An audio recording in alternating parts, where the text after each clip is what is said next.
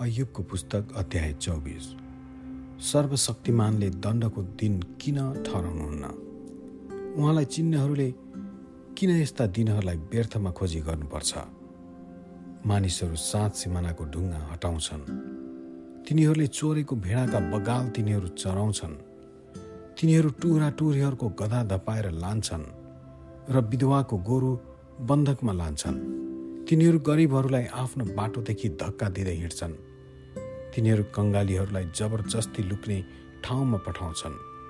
आहारको लागि वन गधा वनमा घुमफिर गरे झैँ गरिबहरू खाना खोज्न जान्छन्। उजाड स्थानले तिनीहरूका छोराछोरीहरूको लागि भोजन जुटाउँछ। गरिबहरू खेतमा सुक्खा अन्न टिप्छन्। दुष्ट मानिसको दागबारीबाट तिनीहरू अङ्गुर बटुल्छन्। लुगा नभएको हुनाले तिनीहरू नाङ्गो भएर रात बिताउँछन्। जाडोमा ढाक्नलाई तिनीहरूको केही हुँदैन। पहाडबाट आएको दृष्टिले वृष्टिले तिनीहरू निर्थुक्क भिज्छन्। शरणस्थान नभएको हुनाले चट्टानेर तिनीहरू थुप्रन्छन्।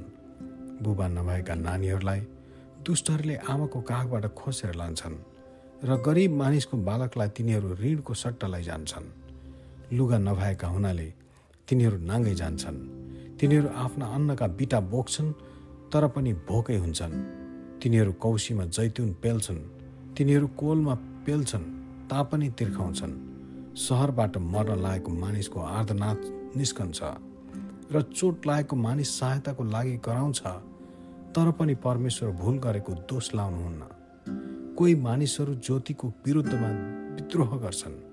तिनीहरू त्यसको विषयमा केही जान्दैनन् र त्यसको ज्योतिमा हिँड्दैनन्। हतियारा चाहिँ साँझ परेपछि उठेर गरिब र अवस्थामा आवश्यकतामा परेकाहरूलाई मार्छ र राति चाहिँ त्यसले चोरले झैँ लुटपिट गर्छ। बेविचारले उच्च काफेसित साँझको प्रतीक्षा गर्छ। त्यसलाई कसैले नदेखोस् भनेर आफ्नो भेष बदलेर बदलन्छ।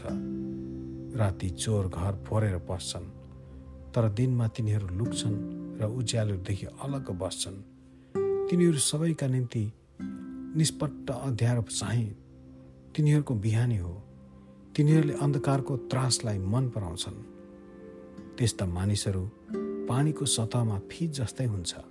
तिनीहरूका खेतले देशभरि नै श्राप पाएको हुन्छ।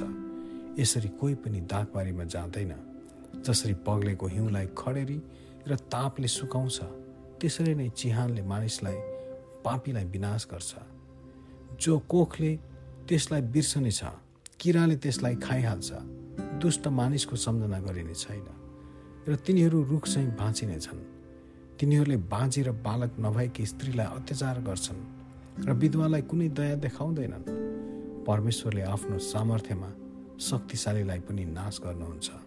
तिनीहरू उठे तापनि तिनीहरूको जीवनको आशा हुँदैन। परमेश्वरले तिनीहरूलाई सुरक्षाको आभासमा रहन दिनु भए तापनि उहाँले हर समय तिनीहरूको चालमाथि आफ्नो नजर राख्नुहुन्छ। केही क्षणको निम्ति दुष्ट मानिस उचालिन्छ। त्यसपछि त्यो नाश हुन्छ।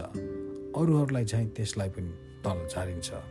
र जम्मा गरिन्छ र काटेर राखेको अन्नको बाला चाहिँ त्यो ओइलाइहाल्छ यदि यो होइन भने कसैले मलाई झुटा ठहराउन सक्छ र मेरा वचन निर्थक भनी कसैले मलाई प्रमाण गर्न सक्छ र। आमेन।